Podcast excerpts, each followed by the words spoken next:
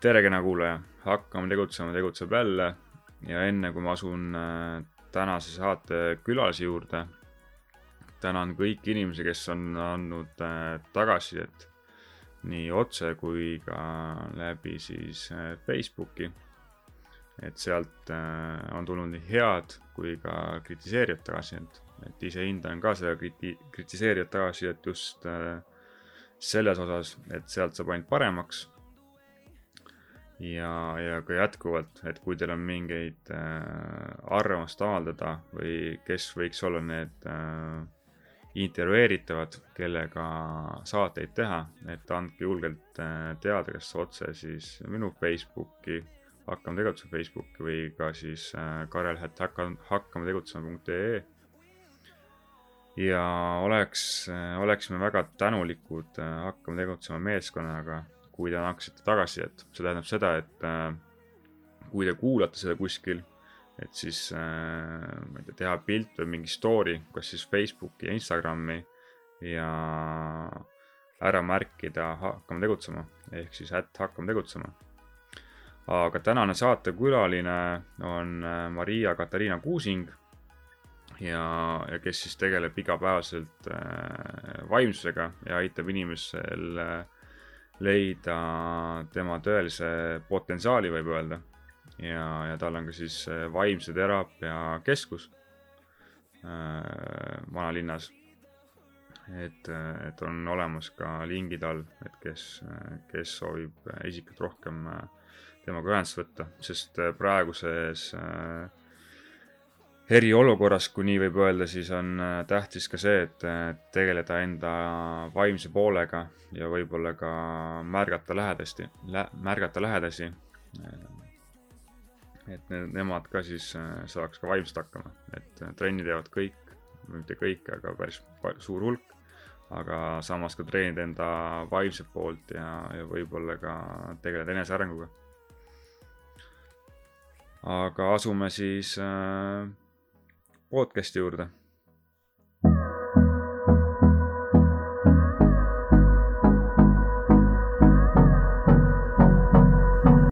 tere, Maria. tere, Karel. räägi, millega sa tegeled?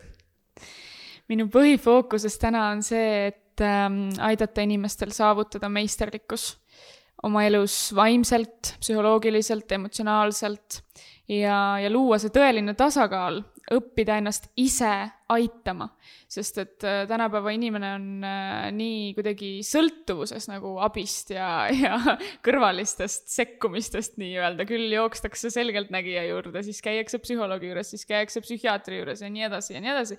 et üldse nagu seda oma väge enam ei usaldata või oma teadmisi ja oma oskuseid. Ja minu ülesandeks on siis inimese seest see tema tõeline vägi ja tõeline potentsiaal aidata välja tuua ja et ta oskaks seda ka rakendada oma elus Mm -hmm. et väga selline lai, lai valdkond ja minu tööriistakastis on ka tõesti nagu tohutult palju meetodeid ja praktikaid. küsiks kohe, et kust sa selle nagu alguse said või kuidas sa ise selle tee leidsid, et sa nagu teisi saad äh, selle päe nii-öelda välja leida, et kus sa jõudsid sinna? no vot see on nüüd see osa, mida ma väga enam, enam ähm.... nii palju sa mäletad? ja, ja ei, ma mäletan kõike, selles ei ole küsimus. aga igatahes ähm, no ma alustasin väga noorelt, ma olin võib-olla üksteist, kaksteist, mitte keegi ei teadnud, kui vana ma tegelikult olen. ja siiani ei tea aga, aga see sai alguse sellistest võib-olla teistsugustest võimetest, mis ei ole väga tavalised, kuigi mina ütlen, et need võimed on igalühel olemas mm. -hmm lihtsalt tänapäeva ühiskond ei soodusta nende võimete kasutamist ja avaldumist, aga mina olin nii õnnelik kasvada sellises keskkonnas ja sellise emaga, kes äh, aitasid mul äh, seda, neid, neid võimeid avatuna hoida ja kasutada iseenda tarbeks ja, ja see saigi alguse sellest, et minu ümber koondusid inimesed, kes olid huvitatud sellest infost, mida ma jagasin, ehk siis nii-öelda kanaldasin või vahendasin mm. -hmm. ja ja see oli nii asjakohane ja nii tõhus info, mida ma jagasin, et äh, järjest rohkem neid inimesi minu ümber koondus, lõpuks noh, ma ei saanud enam normaalselt koolis käia, koolid ikka lõpetasin, aga aga, aga inimesi tuli ja tuli ja tuli ja ma pidin sellele mingi vormi mis see tähendab, sa ei saanud koolis käia? ei, ma käisin ikka, aga, aga selles suhtes nii palju lihtsalt kogu aeg küsiti minult, tuldi minu juurde, ma ei tea, noh, saad aru. Et see kuidagi hästi loomulikult kasvas minu elus okei ja seda, et minu missioon on, on inimesi äratada ja raputada ja igasuguseid noh, selle ühiskonna piiranguid ja takistusi murda, seda ma teadsin alati kogu aeg. sellest ajast, kui ma ennast mäletan mm. -hmm. ehk see nii-öelda, ma ei tea, kuidas nii-öelda võime või? jah. et võime on juba põhimõtteliselt vanematelt pärit? ei ei, ole, sa oled ise selle võime omale nii-öelda kuidagi. vot seda mina ei usu, et need võimed kanduvad vereliini pidi edasi, seda ma ei usu aga kust, kust see võime siis äh, tuleb? sest need võimed on meil kõigil, see on loomulik, see on inimese loomulik seisund. lihtsalt äh, noh kogu see ühiskond nagu surub alla need võimed, kui laps sünnib, laps hakkab rääkima mingi oo, ma näen seda, ma nägin unes mingit sellist asja, siis kohe lapsevanemad ütlevad, mis sa räägid, ära räägi jumala eest, noh mm. nagu, nagu see oleks mingisugune halb asi. ja, ja niimoodi kõik see toit, mida me sööme, haridussüsteem, kõik, kogu see süsteem surubki lõpuks selle, selle väe nagu alla ja need võimed alla. ja, ja nii me ei õpigi kasutama oma tõelist väge ja lähevad ka need võimed lukku. nõus, nõus ma olen siin, äh, ma arvan, varasemalt ka rääkinud podcast'is sellest, et äh, tegelikult alates, ma arvan äh,, algkoolist, esimesest klassist siis seatakse need piirid mm -hmm, just, ühiskonna just. poolt ja mis nagu järjest nagu läheb võimsamaks. ja, ja, ja inimesed, ma arvan pigem seda, et julgus on see, et neil ei ole julgust läbi murda, riskida, nad ongi seal mugavustsoonis nii-öelda kinni nojah, sest kui sa, kui sa nagu selles lambakarjas ei jaluta, siis sind hakatakse taga kiusama noh, siis on turvaline olla selles süsteemis nii, et sa jumala eest ei näita, kes sa tegelikult oled. ja lõpuks sa unustadki ära, kes sa tegelikult oled, sest sa mängid seda rolli kogu aeg. et väga raske on olla tegelikult ise. et ma võin tuua nagu näite, et äh, kui ma tahtsin saada ettevõtjaks, ma olin palgatöötaja, siis kõik naersid üle, et mis asja sa, sa elu sees ei hakka aga täna on vastupidi, et ma ei suuda selle mõttega või mõtte, mõtte, mõtet võtta, et äh, ma oleksin palgatöötaja mm. -hmm aga, aga räägi võib-olla lähemalt, et äh, sa rääkisid sellest, kuidas see tuli, aga räägi siis kogu teekonnast ja, ja kuidas inimese suhtumine võib-olla on kogu sellesse vaimsesse poolde, ma, mina ise arvan täna seda, et see on nagu suurem või nii-öelda mm -hmm. inimesed mõistavad seda rohkem, kui oli võib-olla kümme aastat tagasi mm. -hmm. väga hea, et sa seda küsid, sellepärast et see on nii oluline koht, millest rääkida et ma räägiksin sellest teekonnast, alustame sellest. no nagu ma ütlesin, neid inimesi hakkas nii palju tulema, ma pidin sellele mingi vormi andma, et ma hakkasin tegema individuaalseansse, eks ju. ja need individuaalseansid olid siis nagu selline kombo minu võimetest, et ma jagasin seda infot, mis minuni jõudis parasjagu sellel seansil selle inimese kohta, kes minult abi küsis. ja, ja samas oli, oli see siis ka mm, nagu selline nõuannete jagamine või, või soovituste jagamine, mida ma kas kanaldasin või olen oma teekonnal väga palju õppinud. ja ma kasvasin koos inimestega, kõik minu teadmised, need tööriistad, meetodid, mis ma välja arendasin, tulidki koos inimestega, sest inimesed on kõik nii erinevad ja igaüks vajab individuaalset, emotsionaalset, tundlikku lähenemist.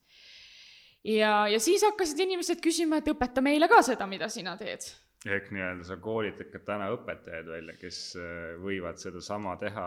jah, no tegelikult äh, nüüd just alustaski terapeutide koolitus ka mm, -hmm. polüterapeutide koolitus ja see tähendabki seda, et need on sellised terapeudid, kes kasutavad kombineeritud võtteid.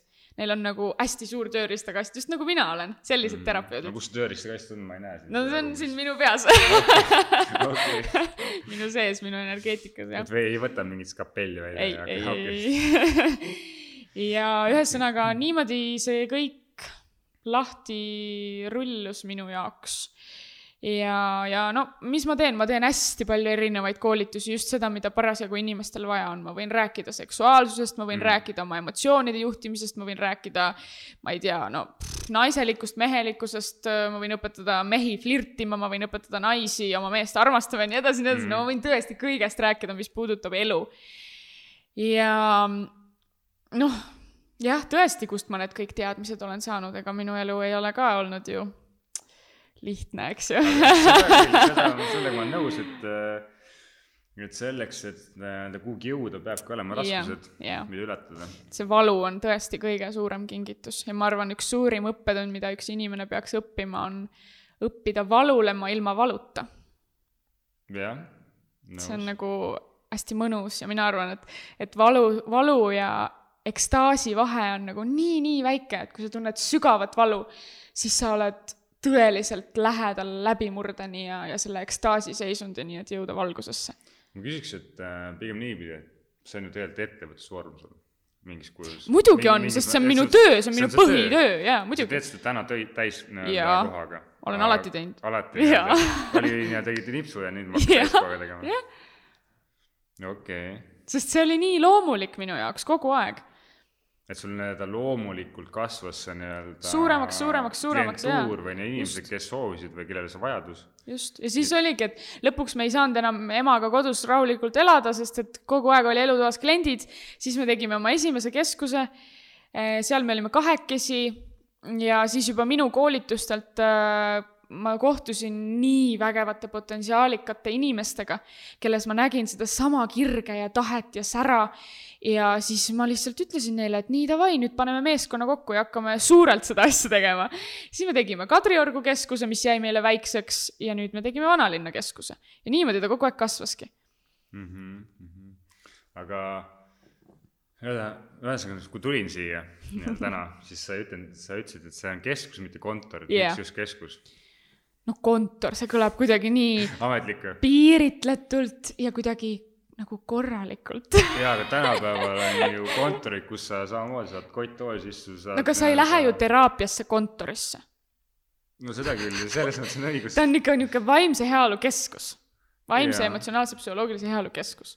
samas meil toimub siin ka väga palju niisuguseid füüsilisi praktikaid ja teraapiaid ka, et ei ole ainult vaimne pool mis on need äh põhi võib-olla teenused või nii-öelda, mis on need äh, jah, inimese põhivajadused nii-öelda, kui inimene tuleb siia, tuleb siia uksest sisse, ütleb, et äh, tal on vaja seda, et mi-, mis on need teraapiad, mis sa kõige rohkem teed?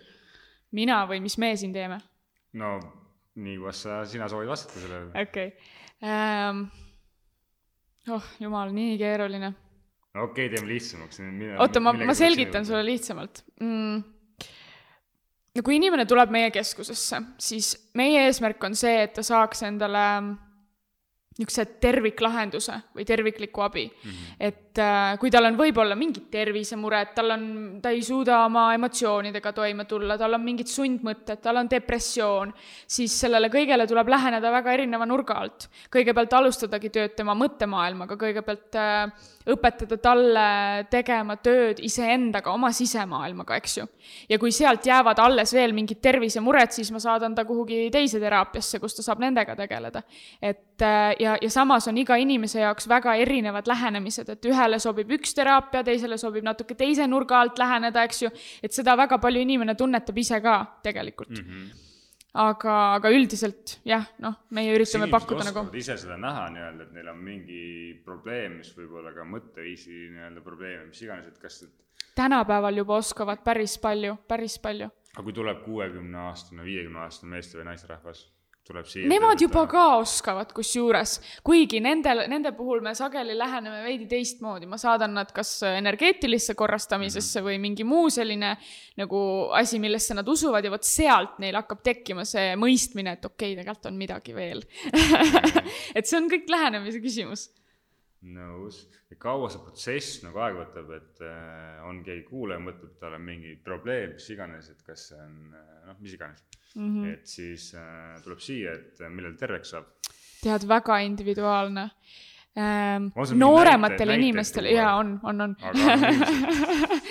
noorematel inimestel käib see jube kähku. mõni, mul just hiljuti oli üks kahekümne aastane noormees siin ta käis võib-olla kaks korda minu juures ainult psühholoogilises nõustamises mm -hmm. ja ta muutis täiesti oma elu. mina ei suutnud seda oodata, aga ta võttis kõik need harjutused ja praktikad, mis ma talle andsin, ta tegi need ära ja ta muutis täiesti oma elu. kas need praktikad on pigem nagu, nagu praktilised või ta pigem praktilised nagu, jah. meditatsiooni või ei, mingi? Need on praktilised, jah. meditatsioone ja selliseid asju ma annan ka, aga pigem nad on praktilised, mida inimene saab iga päev oma elus rakendada ja teha mm. -hmm. ja need ei ole mingid lihtsad, et a la, ma ei tea ütle endale hommikul tere hommikust või nii Need on ikkagi. näide inimesed või, või mingi praktikat ja teades Eesti inimest, siis ta võib-olla isegi ei julge tulla siia, sest ta peab mingit praktikat tegema. ei, see on kõik väga turvaline ja mõnus ja, ja leebe aga no näiteks noh, mida ma alati annan, on see, et äh, inimene teeks kirjaliku nimekirja, milliseks meheks või naiseks ta tahab kasvada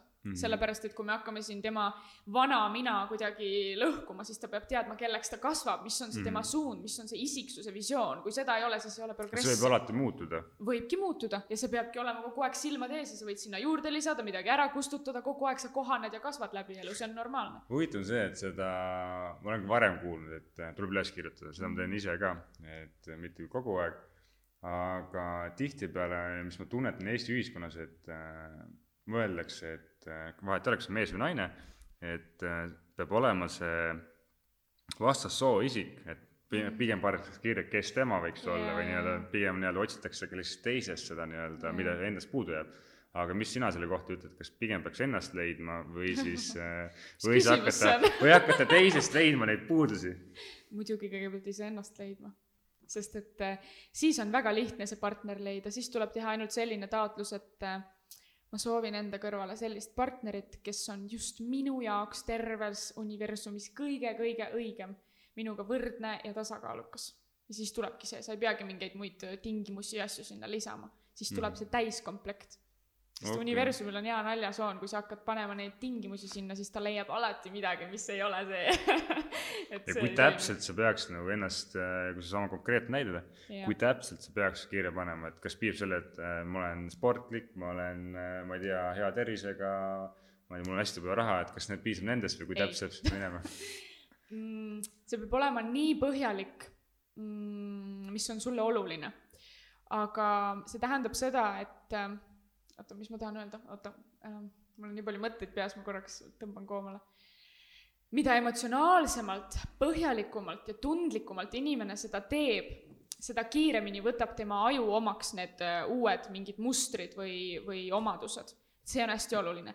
ja mina alati soovitan inimestel panna kirja nii, et milline armastaja ma tahan olla, milline partner ma tahan olla, milline lapsevanem ma tahan olla, kuidas ma suhtun iseendasse ja teistesse millised on minu maailmavaated, minu mm -hmm. tõekspidamised, uskumused, et noh, kõik, mis on sinu jaoks oluline, saad aru?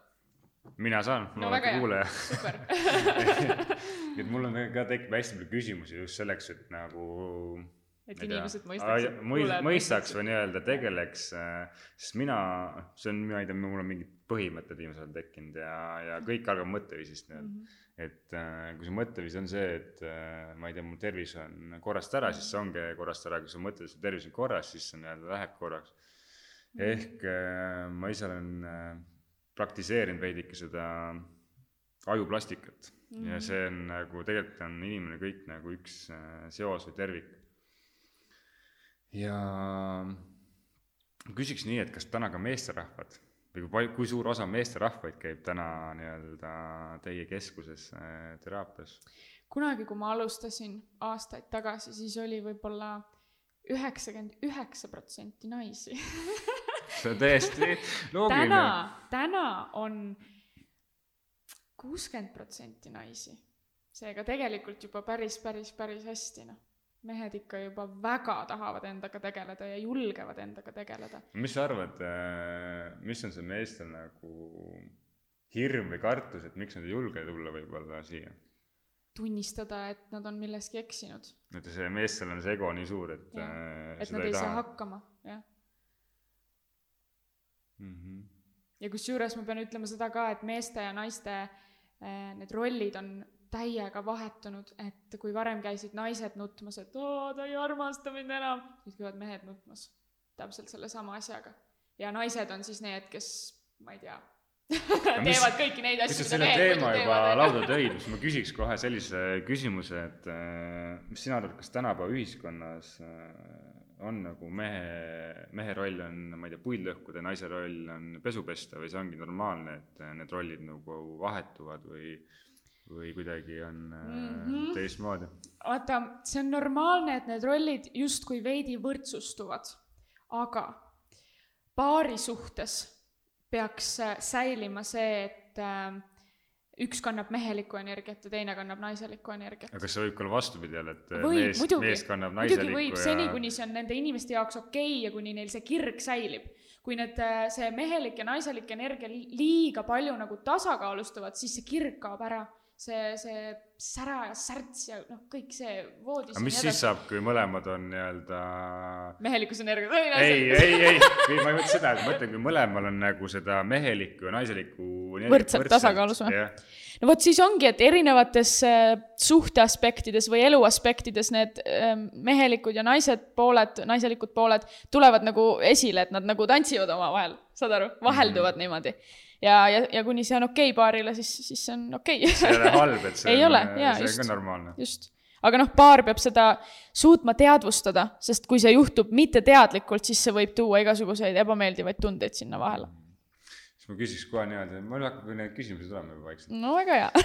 et äh, kus, kuidas inimene saab aru, et, et tal on üldse mingi probleem, et ta peaks tulema nagu teraapiasse, sest inimesed ütlevad, et äh, pigem nagu ei näe seda probleemi või pigem see tuleb kuskilt kõrvalt mm. -hmm. või see peab olema väga kehv juhus juba, et tal tuleb siia. vot see ongi see koht, et tänapäeva inimene ei oska olla iseendaga aus. ja, ja siis peab see probleem kasvama nagu nii, nii, nii suureks, et siis ta alles märkab seda. aga noh, ma ütlen seda, et kui inimene ei ole oma probleemi märganud, siis ei saa teda tegelikult aidata. Nii et vahet ei ole, las ta siis seni istub oma valu otsas, kuni ta saab aru ja siis ta tuleb ja siis teda saab aidata. sest et lõpuks see läbimurre toimub ikkagi selles äh, üleküllastunud rahulolematuses. kui ei ole rahulolematust, siis ei saa ka läbimurre tulla. et kui inimene noh, ei, ei tajugi probleemi, siis polegi probleemi tema mis, jaoks mis. sellest sa arvad, et äh, inimene vingub ja vingub ja vingub ja siis äh, teised näevad, et tal on mingi probleem, mis peaks lahendama, et äh, mis sellises olukorras teha? Las vingub. no aga sellepärast, et ta ju üks hetk nii-öelda, mina arvan, see on küll minu arvamus, et üks hetk ta vingub üksi kuskil äh, toas. ju tal ongi siis seda vaja, selleks, et mõista oma probleemi. et mitte enam kasutada seda vingumist kui mingit tähelepanu saamist või ükskõik mida, vaata inimene mm. ei tee seda meelega ju, et ma vingun selleks, et saada tähelepanu, see on alateadlik, ta on õppinud selle kuskilt, eks ju. aga selleks, et ta saaks aru, et see käitumine enam ei toimi, peab ta ikkagi mingid kogemused läbi tegema, et see on ikkagi väga oluline mm. Mhm. Muidugi võib kõrvalt alati natuke suunata, pakkuda, näidata teed, aga noh, minu kogemus on tõesti see, et kahjuks tänapäeva inimene õpib ainult läbi valu. mis saab siis, kui inimene teab, et tal on probleem, ta tahab sellega tegeleda, aga ta ei tea, millest nagu, mis on see alge, mis on see probleemi nagu põhjus. mis siis saab? ja mis siis saab, siis ta peab siia lihtsalt tulema. tuleb siia vanalinna ja saab äh, probleemile lahenduse jah, meie keskusesse vanalinna. keskusesse, aga Jah. või sinna parki minna kuskil kõrval. tead, tegelikult küll, kui sa lähed inimeste hulka, inimeste keskele või lihtsalt lähed jalutad väljas, vaatad, jälgid inimesi, sa mm. nii palju peegeldad iseenda sisse tagasi ka. et äh, no kui astud juba koduuksest välja, juba aitab. ja siis see peegli, peegli nii-öelda põhimõte toimib päris hästi, et Toimib. et teised on see, kes sa oled sina ja vastupidi. jaa, aga siin võib hästi palju eksida ka, näiteks äh, inimesed sageli noh, võtavad seda peegli varianti nii, et noh, et äh, sa oled minuga ülbe, mina ju sinuga ei ole ülbe mm, -hmm. eks ju. et tegelikult see peegli äh, äh, metafoor toimib nii, et nii, kuidas teised käituvad sinuga, käitud sa iseendaga. et kui näiteks noh, naistel on tihti see probleem, et miks ta ei armasta mind, ta ei armasta iseennast. tema käi-, näitab sulle seda, kuidas sa iseendaga käitud see on mm. nagu see, hoopis ta viib sissepoole. et seal inimesed eksivad ära ja hakkavad nagu oma egoga niimoodi seal möllama, et ma ju armastan sind ja ma teen sulle ju kõike ja nii edasi, on ju. sa ei tee iseendale. et see on nagu see. kõigepealt tuleb iseendast alustada ja siis Jah. hakata teiste kallal nokkima. Võib öelda nii. okei, okei. ma ei tea, räägiks veel midagi ise nii-öelda, mis sa näed, et äh, mis inimesi aitaks?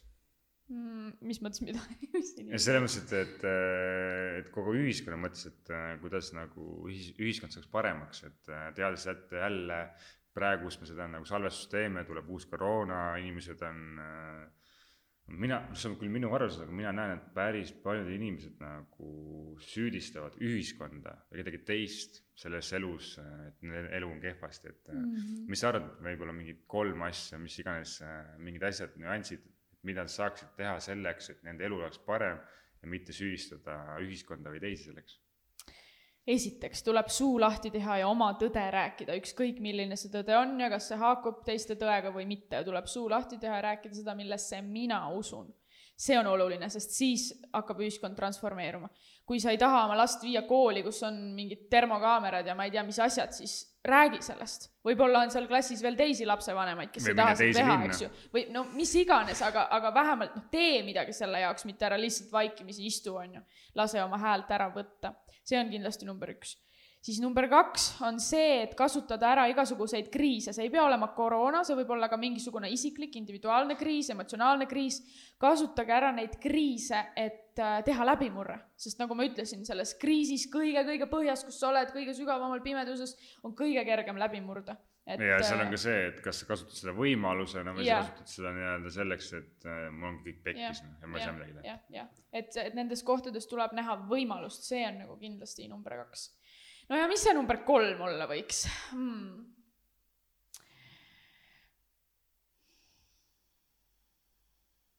üks olemisse panustamine, teiste aktsepteerimine, kindlasti. sest me oleme küll ähm, füüsilises kehas ja see jätab illusiooni, et me oleme kõik eraldi ja eraldatud. aga tegelikult me oleme kõik ikkagi üks ja inimese kõrgeim ülesanne ja, ja kõige loomulikum eesmärk on, on panustada süsteemi ja süsteemi selles heas mõttes mm. -hmm. mitte sellesse piiravasse, piiravas mõttes, on ju. vaid panustada üks olemisse. kindlasti sealt igaüks leiab oma kire, oma elu mõtte, oma missiooni, oma kutsumuse, see on, see on see, kuhu me peame jõudma. panustada rohkem nagu ka võib-olla ühiskondale. jah, et mitte see, et sa ühiskonnast võtad ainult, et mis sa ka ühiskond Jah. tagasi annad või mul on pigem nagu tekkinud ka see küsimus, et kui paljud inimesed teevad heategusid. ma ei Mhm. mõtle selle nagu rahaliselt, ma mõtlen ka selleks, et äh, ma ei tea, sa näed, et mingi vanainimene tahab üle tee minna või Jah. mingi, ma ei tea, lapsele annad mingi pulgakommi nii-öelda, kellel seda endal võimalust ei ole, mingi siukseid asju. et kui palju on üldse inimesi, kes nagu seda teevad, ma arvan, et seda on vähe. jaa, või näiteks mul just oli siin hiljuti üks äh, naine bussipeatuses äh, küsis inimestelt raha ja ta küsis sente. mina andsin talle viie eurise selles suhtes ja, ja ta oli nii tänulik, ta ütles mulle, et ma vannun, et ma ei joo ja ei suitseta, noh, ta oligi jumala normaalne, korralik mm. inimene aga, aga siis tänaval, mida inimesed teevad, kohe mõtlevad, et oo, mida ta teeb selle rahaga. okei okay,, kui sa annad talle selle kaks euri ja ta tõesti läheb ja ostab selle õllepudeli, onju, las ta ostab siis. aga see pakub tema hingele rõõmu ja see loeb.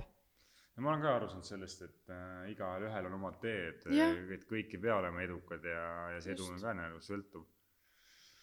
et äh, ma arvan ka seda, et päris palju hakkab tekkima inimesi juurde, kes on kodutud ja kes ei ole alkohoolikud või mis, mis, mis iganes, et äh, et ma ise ootan huviga pigem, et mis sinna see maailma toob, kui me seda praegu podcast'i lindistame. et inimesed on kõik nagu nendes äh, äh, oma tõekspidamistes, need ei ole isegi nende tõekspidamised, need on ühiskonna peale surutud tõekspidamised. Nendes nii kinni, et kui sa oled kodutu, siis sa oled raudselt joodik ja nii edasi ja neid, neid tõekspidamisi on veel nii palju, eks ju. eelarvamus jaa, arvamused, just. eelarvamus on Jaa. Jaa. kõikide perseminekute ema või isa Just,, nagu öeldakse, et äh, see on küll ropp sõna, aga see, see see on väga hea ütlemine. jah, ja, ja inimesed on nii kinni selles ja sellepärast ei saagi ühiskond muutuda. et sellepärast ma ütlesingi, number üks punkt on see oma tõe rääkimine. Et hästi oluline, vot. aga mul tekkis vahepeal küsimus, et mitte nii see morn oleks see podcast või nii-öelda negatiivne või noh, auraga. et äh, kas sa oled ka välismaal käinud õppimas seda nii-öelda teraapiat ja seda kõike, mis sa teed siin, et äh, kas sa ka välismaal seda õppimas käinud? õppimas ei ole, aga ma olen käinud pakkumas. pakkumas, et, et nii, nii nii-öelda äge, et käid välismaal pakkumas, Jaa. välismaal õppimas. Holland on väga minu lemmikriik, vot tegelikult seal oligi, kui ma alustasin, siis, siis seal nagu tuli hästi palju inimesi kohe, sest äh, seal on mul palju tuttavaid ja sõpru ja noh, sealt nagu see liin väga palju arenes mm. -hmm. juba siis äh, aga muidu noh, Skype'i teel ma teen üle maailma inimestega kogu aeg sessioone. aga kuidas inimesed sind üles leiavad? Välismaal on nad seni leidnud mind tutvuste kaudu mm. -hmm. kuigi mul on ka ingliskeelne koduleht ja kõik asjad olemas. aga jah, noh, see, sellega ma ei jõua kõigega ka üksi tegeleda igal rindel aga on sul, kui suur täna see nagu meeskond teil on, et ma praegu oleme siin küll kahekesti ja tundub, et sa nagu üksi teed seda, kui suur on see nagu tiim? tegelikult on seitse inimest, seitse terapeuti koos minuga ja siis on veel hulgaliselt selliseid terapeute, kes lihtsalt meie keskuse ruume kasutavad ja teevad niisuguseid üksikuid sessioone ja üritusi. et nemad on ka meil toredad sõbrad. ja kas on, kas te kõik teete erinevat asja või, või siis on äh, igalühel äh, või noh, teete ühte asja või kas te teete erinevat asja, on teil mingi spetsialiteet? ja meil on ikkagi erinevad teraapiad, mida me pakume jah, et -hmm. kattuvusi põhimõtteliselt ei ole. võib-olla mõningad üksikud oskused, aga, aga üldiselt me ikka täiustame teineteist kõikide oskustega. Teie, teie jaoks nagu ettevõtlused on konkurentsis, kui et ei, äh, ei ole? ei, sellepärast et äh, meie ja mina arvan seda, et äh, selles maailmas ei ole konkurentsi. on, aga need inimesed, kes nii arvavad, ei kuulu kindlasti meie ringkonda mm. -hmm. sest et äh, iga inimese jaoks on oma terapeut just see, kellega tema tunneb kontakti ja seda sidet et see on hästi oluline ja, ja ma arvan seda, et mida rohkem on neid inimeste äratajaid, raputajaid ja äh, aitajaid äh,, seda kiiremini me saame selle maailma mhm. korda et seda on vaja ja ma ka hea meelega õpetan teisi terapeute välja, sellepärast et ma ei jõua kõike üksi kui palju on inimesi, kui palju üldse on Eesti inimesi, kui võtta kogu maailm, et palju Just. inimesi on ja ma ise näen ka seda, et ka Eesti nagu noh, inimesed, kui inimese tasandil kui ka siis äh, ettevõtja tasandil, et peaks rohkem koostööd tegema. mitte seda, et äh, mul on mingi äge asi nii-öelda, oletame, võtame mis iganes näite siin, ma ei tea, puutöö, metallitöö, mingi autoremondi luk-, nii-öelda töökohad, kus on hästi palju neid. pigem peaks nagu koostööd tegema ja sellega tuleb noh, suurem võit. väärtus ja, ja suurem väärtus. palju suurem väärtus. et see siin Eestis on vot see suur miinus ma ükskord postitasin oma Facebooki lehele ka, et kadedus sööb selle Eesti ükskord ära. me just hiljuti ka tahtsime teha koostööd teiste siin vaimsete poodidega mm -hmm. ja mhm. nii. sa ei kujuta ette, milline, milline, millised vastused mulle sealt tulid mm. -hmm. Neil tekkis kohe niisugune hirm, et ma tahan neilt midagi saada. no ei ole, vastupidi, ma tahan anda teile et, et selles suhtes jaa, ma ütlen siin podcast'is ka välja, et need, kes seda kuulavad ja kui teil tekib tunne, et tahate koostööd teha, ma olen avatud, teeme loome rohkem väärtust et see, mina näen ka rohkem väärtust selles, et ma ise olen ka käinud nagu enda erialaselt äh, nii-öelda kuskilt äh,, vaatamas, mis konkurents teevad. Ja mitte sellepärast, et äh,, et nagu neid kliente üle võtta, vaid pigem näha nii-öelda nende võib-olla miinuseid, plusse ja äkki leiab ka mingi koostöö nii-öelda võimaluse et ei ole kõik nii, et äh, tulevad sinna ja siis äh, ma ei tea, tulevad, lähevad kuskile kontorisse ja siis võtavad kõik äh, nii-öelda kliendid kaasa, et mm -hmm. see ei ole päris nii, ja on jah, inimesi on erinevaid, et kes on nagu sellised ihned ja ahned ja kes tahavad endale võtta, kes mm, -hmm. kes on mhm. ka nii-öelda tahavad anda. ja mina näen seda, et kui sa annad, siis äh, sulle antakse mm. -hmm alguses sa küsisid ühe küsimuse, ma tahtsin väga sellele vastata. no aga nüüd, nüüd on see võimalus sa küsisid seda, et, äh, et kuidas inimesed suhtuvad sellesse vaimsusesse täpselt, täpselt. ma, ma kohe enne, kui sa tulid seda podcast'i minuga tegema, ma mõtlesin kohe selle peale, et vot seda ma pean kindlasti ütlema. sellepärast, et ähm, mulle ei meeldi see, et kui ma käin mingitel business üritustel või kuskil nii mm, -hmm. siis mind nagu diskrimineeritakse sellepärast, et ma olen terapeut või sellepärast, et ma tegelen selle vaimsete asjadega. see vaimsus ei tähenda seda, et ma teen mingit nõiakunsti või maagiat, okei okay,, võin seda ka teha, aga, aga see et, ei ole nagu see. põhimõtteliselt ettevõtjate mõttes nagu müüd õhku põhimõtteliselt. jah, see pole absoluutselt nii ja minul käib siin väga palju ärimehi ja nagu nii-öelda neid, keda siis aktsepteeritakse tänapäeva mm -hmm. ühiskonnas, on ju. aga miks mind siis ei aktsepteerita? Kui ma teie lapsi ja naisi ja kõiki nõustan, eks ju ja tegelikult teen teil koduse elu paremaks et, ähm, et tegelikult see teraapia pool ja inimeste emotsionaalse ja vaimse ja psühholoogilise poolega tegelemine on nii oluline ja see on kõige alus. no see on täiega kõik, kõige alus. sümbioos, et üks on Just. see pere, finants, reisimine nii-öelda, et äh, inimene on nagu tervik seda tasakaalu ei leia kunagi yeah., aga selleks, et tasakaalu nii-öelda paremini leida, on ka sul vaja tegeleda enda vaimse poolega. just, et see on nii oluline ja, ja ma loodan, et edaspidi nendele teraapia ja vaimsete inimestele ei vaadata niimoodi nagu veits. mina näen äh, ma ei tea, see on puhtalt minu arvamus, aga mina näen, see on järjest nagu kasvutrend, et inimesed nagu tarbivad seda, nad saavad rohkem sellest abi, ma ei tea. siin on jälle ohukoht siin on jälle ohukoht, vot ma toon neid negatiivseid külgi alati ja, välja. äh, negatiivne kriitika on väga hea, eriti kui on argumenteeritud. ja no vot, siin on see ohukoht, et äh, inimesed äh, huvituvad sellest mhm. moe pärast. see on nagu populaarne ja äge ja vot siis ma lähen kuhugi meditatsiooni, mhm. on ju et äh, ja vaimsusest võib saada täpselt samamoodi põgenemine, nagu sa põgened alkoholi et sa tegeled küll vaimsusega ja mediteerid, loed raamatuid, aga sa ei tegele tegelikult sügavalt mm -hmm. iseendaga. sa lihtsalt saad selle mõnusa tunde kätte, on ju, ja siis ongi korras.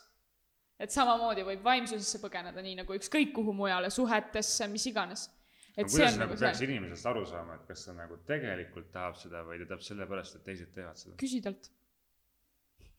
sa saad kohe aru näost nojaa, aga vaata, mina võin sellest aru saada, kui, kui see nii-öelda kuulaja teab, et tema, ma ei tea, sõber, sõbranna nii-öelda tegeleb sellega, ta küsib, ta ei pruugi ise ka olla nii nii-öelda okei okay,, siin on üks hea äh, koht küll, millega seda nagu, millest aru saada äh,. kui see inimene kardab oma tumedat külge mm, -hmm. sellega tegeleda ja seda näidata ja väljendada, siis ta ilmselgelt teeb seda moe pärast.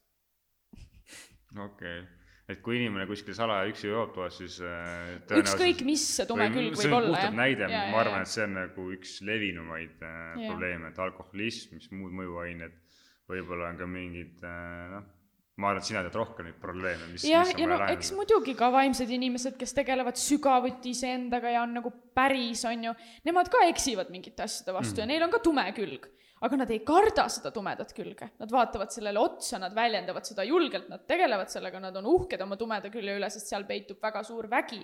mul tuli nagu... väga hea küsimus siin jutu käigus, et äh, on inimesed, kes ütlevad, et ma teen ja ma teen ja ma teen, aga kunagi selle teoni ei jõua, kas see on nii-öelda probleemiga tegelemine, see on mingi nii-öelda enda mugavustsoonis välja tulemine, et ma ei tea, ma hakkan ettevõtjaks või või ma nüüd hakkan jala tööl käima, ma hakkan trenni tegema, et nad ei jõua selleni. et, äh, et ma ei tea, kust see küsimus tekkis, aga kuidas on võimalik seda, et jõuaks sinna tegudeni? no siin on kaks varianti. oota, ma korra mõtlen um,. no nüüd on see küsimus, et kui tark inimene on. kas ta on rumal ja äh, valib nagu selle tee, et ta lihtsalt kogeb selle asja edasilükkamisest piisavat tekkivat valu mm -hmm. ja siis käib tal see klõps, on ju, ja ta suudab selle läbimurde teha. või ta motiveerib ennast ise nii tugevalt ja piisavalt, et äh, ta leiab mingid muud lahendused. mis peaks olema see motivaator? valu, aga lihtsalt sa elad selle valu kiiremini oma peas läbi. see ongi nagu see, et, et mis saab Võtame siis, kui ma. väga lihtsa näite, siin Nii. on äh, varsti jälle aastavahetus tulemas, aeg läheb kiiresti ja inimesed hakkavad trenni tegema, nad mm -hmm. teevad kuu aega, siis rohkem ei tee. ja siis neil tekivad mingid terviseprobleemid seoses, seoses sellega, et nad piisavalt ei liigu. et äh, siis inimene peaks oma peas läbi käima selle nii-öelda terviseprobleemi selleks, et jätkata kuna mina olen hästi nagu, võin öelda, palju tegelenud sport, nii-öelda spordiga, erinevate asjadega et siis nagu pigem on see, et nad peaks juba nii-öelda läbi mõtlema, et kui nad sporti ei tee, mis siis juhtub selleks, et ennast motiveerida, selleks, et see ei oleks ainult kuuajane. jah, aga ta peab selle tegema läbi väga-väga jõuliselt, et tema kehas reaalselt tekibki see tunne. siin on üks selline kasulik asi nagu valu ja naudingu seadus, ma ei tea, kas sa oled sellest kuulnud kunagi? ma ei tea, räägi äkki sa tuttav ütled. see tähendab seda, et inimene teeb kõike selleks, et kas vältida valu või saada naudingut ja see valu võib olla ükskõik mis, kasvõi mingi väike ebameeldivus või, või mingi piinlikkustunne või mis iganes. ja nauding võib olla ka ükskõik mis, on ju äh,. inimese aju on niimoodi üles ehitatud, et ta pigem alati väldib valu. nauding on nagu liiga väike motivatsioon mm. ehk siis äh, noh, ükskõik, mida sa tahad saavutada või ükskõik, millest sa tahad läbi murda, sa pead enda jaoks selle valu tegema nii väljakannatamatuks, siis sa suudad. kas võib olla vastupidi, et sul on kõik hästi tekitad oma selle valutunde selleks, et olla et edasi edukam, liikuda, just, just, just, jah, nii ongi. et päris noh, üldväljend on see, et mugavustsoon ja kõik see, aga see tegelikult hakata nagu tükkideks tõmbama seda mugavustsooni, siis on nagu palju lihtsam seda nagu enda teed leida. jah, jah oota, miski asi oli veel, mis ma tahtsin ah,, et miks ei toimi igasugused need manifesteerimise meditatsioonid ja harjutused, kus sa visualiseerid ennast juba sinna ilusasse mm. tulevikku ja ta-ta-ta-ta. see ei toimi, sest et kui sa seda teed, visualiseerid, sa oled ju mugavustsoonis, sul on kõik hästi. sind miski ei käivita et sellepärast on oluline, et sa ikkagi kasvatad selle valu ja rahulolematuse mingi piirini ja siis lisad sinna juurde selle visualiseerimise ja õndsuse ja mõnusa ja naudingu, on ju. sellest midagi, äkki sina oskad rohkem valgustada, et äh, on inimesed, kes teevadki meditatsiooni või mis iganes see viis see on selleks, et äh, minna sinna teise maailma, kus neil on hea olla. Nad ei tahagi seda päris maailma muuta, vaid ongi seal teises maailmas, kus neil on nagu väga ilus ja tore kõik. et äh, ma ei tea, oskad sa kuidagi seda nagu öelda, et kuidas neil on see võimalik jõuda, on ju, miks nad ei taha oma seda päriselu, kus see nende keha on, miks nad ei taha seda muuta? või läks liiga keeruliseks? Et miks nad ikkagi ei jõua selle õndsuseni või selle ilusa pildini või? või? ei taha nagu siin selles, selles nagu päris maailmas sinna jõuda, vaid nad lähevad sinna teise maailma ja neil on seal hea olla, neil on seal kõik, ma ei tea, rahamäed ja neil on seal mingid ma ei tea, ilusad pere ja puhkused ja see on põgenemine ju. see on põgenemine. jällegi jah, põgenemine. aga ma olen kuulnud, noh, minu tuttavad või tuttavate tuttavad neile, kes, kes ongi seal nii-öelda maailmas ja nagu nad äh, mediteerivad äh,. vot see ongi see vaimsusesse põgenemine et reaalses elus ma ei jõua, ei taha, ei oska, ei suuda midagi muuta mm. -hmm. et mõnus on ära põgeneda ja ongi korras. ma ei tea, kust see küsimus sinna jõudis, aga. et ja seal on, on veel nii palju sügavamaid põhjuseid, et miks inimesed nii teevad ja, ja miks nad ei suuda seda muutust teha, et see on hästi individuaalne mis, mis nagu sina, sinu arvates on see nagu põhi nagu põhjus, miks inimesed nagu elus muutusi ei tee? ehk nad ei liigu selle enda eneseusu puudumine mm,. jah, eneseusu puudumine ja siis see hirm eristuda, hirm äh, astuda välja tavapärasest mustrist. või julgus nii-öelda teistmoodi, eriti kui sa oled kuskil ja. keskkonnas. jah et muidugi sinna tuleb veel see teadmiste puudumine ja nii edasi, aga noh, meil kellelgi pole teadmisi sellest, mida me tahame saavutada, on ju, et me peame ju sinna kasvama, see on normaalne, et me kohe ei tea kõike. aga peamiselt jah, see eneseusk, enesekindlus ja hirm eristuda. hirm, et äh, ma kukun läbi ja siis kõik naeravad ja ta-ta, noh, noh, niisugused asjad aga mina nagu pigem näen seda, näen nagu seda, et äh, kui sa kukud, komistad, teed vigu, siis sa õpid. no nii peakski. ja siis sa nii-öelda saadki edasi. kui sa ei ole valmis tegema, ka mingeid lihtsamaid asju, siis äh,. just. ma ei oska midagi öelda mm. -hmm. vot. aga palju täna on nagu, kuna mina olen rohkem numbriinimene, sina mm -hmm. võib-olla mingi teist tüüpi no palju... mille inimene, numbri või? Äh, miks, no nii, räägi. et ma küsiks, et palju täna on inimesed nagu läbi käinud äh, teraapiakeskuses selle aja jooksul, et oi, koos teinud oled? väga palju. tead, me just hiljuti tegime, tegime niisugust õrna statistikat, et äh, kuskil viimase paari aasta jooksul ainult siis minu ja minu ema kliendid mm, -hmm. et mhm. need, kes veel teistel on, on, ma arvan, rohkem, on ju aga, aga paari aasta jooksul need, kes me vähegi suutsime oma kalendrist ja igalt poolt nagu välja otsida, me saime üle viie tuhande. et nagu väga palju ikka. ainult Eestis? jah. et äh, ja see on need paar aastat, tegelikult ma olen ju väga kaua juba ligi kümme aastat. sellepärast, et inimestel nagu tekiks võib-olla julgust või nii-öelda kasvõi, ma ei tea, helistada, kirjutada sulle nii-öelda, et neil on mingi probleem, et äh, et ma ei tee seda podcast'i sellepärast, et kellelegi müüki teha, vaid pigem see, et äh, valgustada inimesi erinevates valdkondades, et äh, kunagi ei tea, et mm -hmm. ma olen juba head tagasisidet saanud siin mm -hmm. nende podcast idega, et et lihtsalt inimestel nagu, et kui viis tuhat inimest on julgenud teha seda, et äh, inimesel mingi probleem, et miks mitte nagu yeah. küsida kas või. absoluutselt. ja tõesti, vaata, mina olen selline terapeut, kes leiab just sellele abivajajale parima lähenemise ja parima lahenduse ja, ja parima programmi nii-öelda, millega iseendaga tegeleda. keeraks veidi nagu vinti või küsiks üks huvitav küsimus, tuleb siin mingi põkk äh,, täiesti suvaline, mingi sihuke, et äh, tema teab, kõik on õige, ta teab, et äh, ta teab, et tal on mingi probleem, aga ta ei lase sellele ligi mismoodi sa lähened talle? no vot, see on võib-olla halb näide nüüd kuulajatele, sellepärast et äh, te ei taha teada, mida ma sellise inimesega teen sest ma olen väga otsekohene ja väga äh, karm jah. ja kui tuleb selline inimene nüüd sa hirmutasid selle põkke ära, nüüd ta ei tulegi. jah, ma hirmutangi ta ära kõigepealt aga samas ma pakun talle ka seda tunnet, et ta on hoitud ja temaga mm. saab kõik korda aga kõigepealt tuleb jah, tema need piirid ja kaitsed maha lõhkuda täiega ja selleks tuleb inimest šokeerida natukene mm,. see on nagu psühholoogia põhimõtteliselt muidugi. aga kas sa nagu, mul tekkis kohe siin, et kas sa oled üldse õppinud seda teraapiat või sa oled nagu pigem nagu kasvanud, kasvanud, kogemuste kasvamisest nii-öelda jõudnud sinna, kus sa oled? muidugi ma olen õppinud coaching ut eh, ettevõtete coach'iks, aga ka nagu individuaal, noh, individuaalsessioonina või, või eraisiku mhm. coach'ina mm. ka saan hakkama väga hästi. Äh, ja muidugi ma olen hästi palju lugenud, hästi palju lugenud, aga kõik muu on puhtalt inimeste pealt, olen kasvanud inimestega koos. kas sa loed ainult äh, siis sinu erialast raamatut?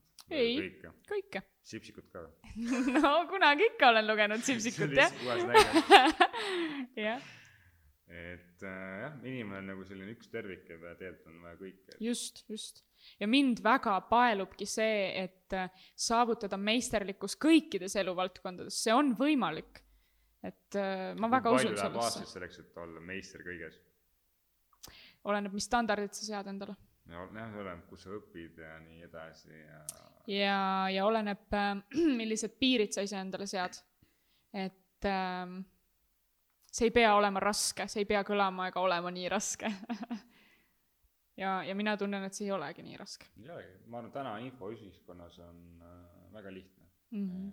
et tuleb lihtsalt õige info üles leida ja see meisterlikkus tähendab ju inimeste jaoks nii erinevaid asju ka, et, et noh, mõnede inimeste jaoks on meisterlikkus igas valdkonnas siis, kui mul on suhetes, tööl, tervis ja ma ei tea, eneseareng korras, eks ju mm. teiste jaoks on veel sinna mingid muud valdkonnad, mis peavad olema hästi et see on nii individuaalne. see võib olla ka veel palju lihtsam, et äh, kelle jaoks on meisterlikkus võib pereelus see, et nad saavad äh, kord kuus reisile yeah. minna, kelle jaoks on suhted korras, et see on nagu täiesti Just. nagu, ta ei ole päris nii must ja valge. just. Ja no ma alati ütlen seda ka, et seadke endale kõrgemad standardid ehk äh, äkki, täpsustad, et äh, standardid on ka nii nagu suhteline mõiste, et äh, ei ole olemas liiga kõrgeid standardeid. oletame, et äh, too mingi näite, et ma olen nagu, mulle meeldib näiteid, siis nagu inimestel palju rohkem. et äh, ma ei tea, mis on kõige parem näide no see, selle kohta on tehtud ju uuringuid ja, ja statistikaid, et inimesed äh,, oli mingisugune uurimus, kus äh, olid gümnaasiumiõpilased ja võrreldi erinevaid klasse ja kaks klassi ei seadnud endale mingeid äh, eesmärke või standardeid, mida nad teevad pärast äh, kooli lõppu mm. Ja, ja siis üks klass oli see, kes seadsid endale need standardid ja siis võrreldi viie aasta pärast nende palku ja nende, ma ei tea, vaimset heaolu ja kõike. ja need, kes seadsid endale standardid, need olid nagu kümneid kordi kaugemal ja ees ja teenisid mitmeid mm. kordi rohkem. et äh, selles suhtes, et unistada sellest, et mul on oma saar ja mul on villad ja mul on erinevates kohtades, ma ei tea, majad ja korterid, see on kõik täiesti okei okay ja reaalne, miks see ei peaks olema reaalne? jaa, ma näen ise ka äh, seda, et äh, ma julgen öelda, et ma ise olen äkki seitse, kaheksa aastat tegelenud enesearenguga, et see on nagu ka hästi lai mõiste, noh, inimene, kes pole üldse tegelenud, mõtleb, mis see eneseareng on, mul ei ole vaja seda, mul on elus hästi kõik. aga ma näen seda, et enamus või päris suur osa inimesi ei kirjuta oma eesmärki üles, et nad on, mul ütleb, mul on peas, mul on see peas unistus aga kirjuta kasvõi, ma ei tea, mingi suva nii-öelda paberinurga mm -hmm. peale ja sa, ma ei tea, viie aasta pärast näed, et mm -hmm. sa oled liikunud, et sa juba tegelikult oled midagi selleks teinud mm. -hmm. et äh, võib-olla natuke täpsustada, et äh, miks on oluline kirja panna, on sellepärast, et meie aju töötab mineviku failide põhjal ja, ja aju ei suudagi sinna mingit uut infot sisse võtta ja, ja kui me lihtsalt usaldame oma pead, siis see pea juhib meid kogu aeg nende minevikuprogrammide järgi et äh, aga kui me paneme kirja või räägime kõva häälega, siis me suudame ise sisse viia teadlikke muutusi ja, ja tuleb nagu mingi progress. ma ennem ju tahtsin näidet tuua, et äh, kasutame võib-olla, kes kuidas, ma võin eksida, aga kolm kuni viis protsenti mhm. ajupotentsiaalist ja enamus tegevusi me teeme nagu alateadlikult. ja, ja selleks, et seda mõjutada, see ongi nagu niisugune pidev protsess yeah. ja, ja see ja lõpuks sama... see muutub automaatseks, see enda jälgimine ja teadvustamine, et alguses võib-olla jaa, võtab harjumist, ma pean kogu aeg üles kirjutama või jälgima või blablabla, on ju.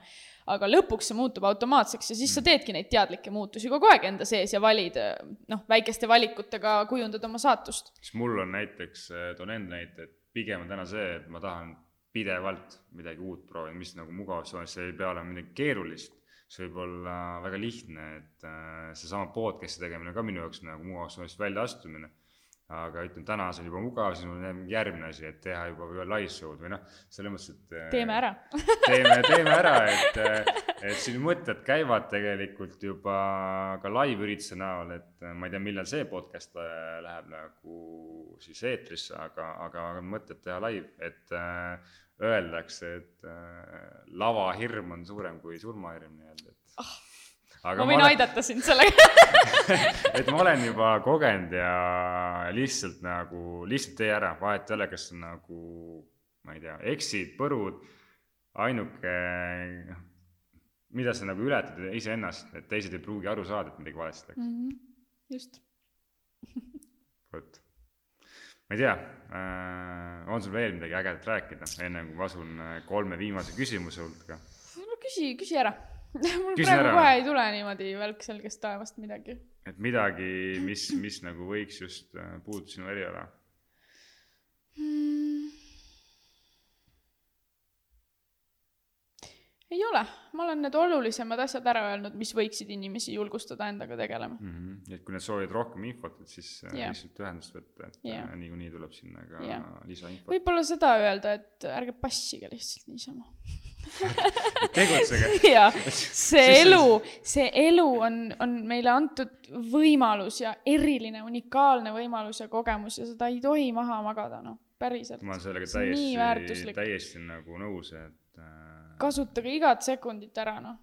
Et noh, vahet ei ole, kas sa nagu vaatad Netflixi, see on ka nagu tänapäeval isegi okei okay,, aga lihtsalt, et sa nagu oleks ise nagu õnnelik või yeah. no nii-öelda sa tunneksid nagu mingit naudingut sellest tegevusest, mitte sa ei vinguks kuskil yeah. äh, ma ei tea, nurga taga, et äh, ma olen küll noor, aga ma näen, kui kiiresti see aeg läheb. Yeah.. see on äh,, see on jube.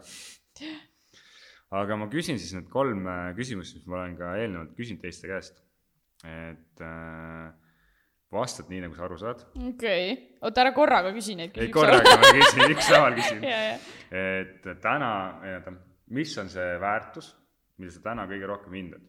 vastad nii, nagu sina okay. aru saad.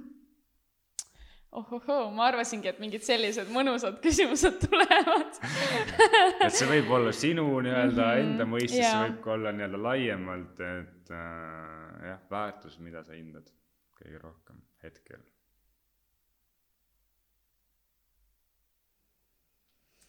Ma juba tegelikult ütlesin seda ka korra, aga ma ütlen uuesti, et äh, üks ole, mis see panustamine. sellepärast, et äh, jah, kui seda ei ole, siis, siis tegelikult polegi midagi, et mis on tasu, mis on kasu teadmistest, oskustest, kui me neid ei panusta ja ei jaga. Mm. -hmm et äh, see on minu jaoks hetkel kõige, kõige olulisem. jah, et kui oleks põhimõtteliselt Eesti riik, siis oleks ja. ka nii-öelda meid või oleks kuskil teises riigis, et äh, ja, ja see märk, mis sa ühiskonda nagu jätad, see ju jääb, aga kui sa teed kõike enda jaoks, siis. jah, ja igalühel on unikaalne roll selles süsteemis ja mitte ainult siin Eesti riigis, vaid kogu maailmas. et me peame suutma hoomata ja haarata seda, seda suurt pilti mm. terves galaktikas, mis rolli me mängime, on ju et äh, siis me leiame oma selle tõelise kire ja tõelise eesmärgi ja, ja, ja oma unikaalsuse, mida väljendada läbi elu, et see on nii oluline. Väga hea, siis on teine küsimus, kuidas äh, teised inimesed saavad sind aidata? oi, kui hea küsimus, oi, aitäh! See on nii hea küsimus. äh, see on praegu kolm nagu klassikalist küsimust, mis ma küsin, aga see on ka nii, et kuidas sina ise mõtled? Ma olen viimasel ajal just selle küsimusega nii palju tegelenud see on nii hea küsimus oh.. teised inimesed, number üks, saavad mind aidata siis, kui nad võtavad vastu selle väljakutse iseendaga päriselt tegeleda ja, ja võtavad vastutuse oma elu ja, ja heaolu eest. jah.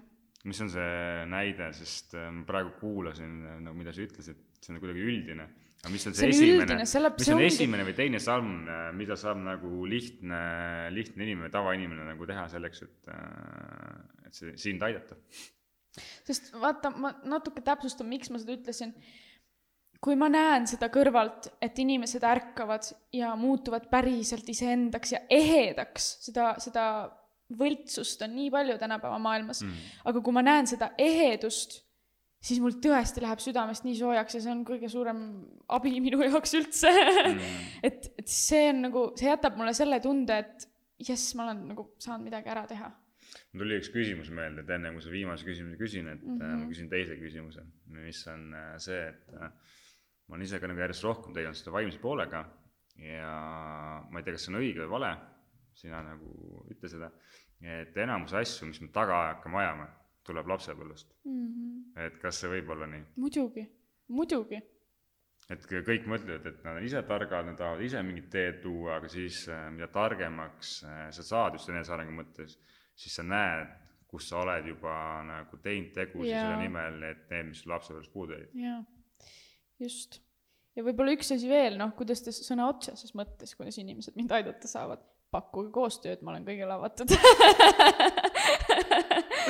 jah et sinna jah, nii-öelda podcast'i kuskile tulevad ka mingid äh, lisainfot või noh mm -hmm., täna Facebook, kus mm -hmm. nagu saab kätte või Google nii-öelda, et kes Just. tahab, see leiab, et äh,, et sa ei saa nagu süüdistada kedagi teist selleks, et sa ei saa inimesega ühendust, yeah. äh, täna kindlasti mitte siis on äh, üks äge küsimus, mis on tegelikult tulnud ka varasemalt äh, Indreku poolt et see küsimus on see, et äh, me oleme praegu Tallinnas ja Vabaduse platsil on võimalik panna mingi plakat või mingi slogan. mis, mis on see slogan nii-öelda, mis sina paneks sinna, mis nagu võib-olla aitaks teisi kuidagi, inspireeriks, et see üks äh, lause või, või ütlemine, slogan? mõtlen korraks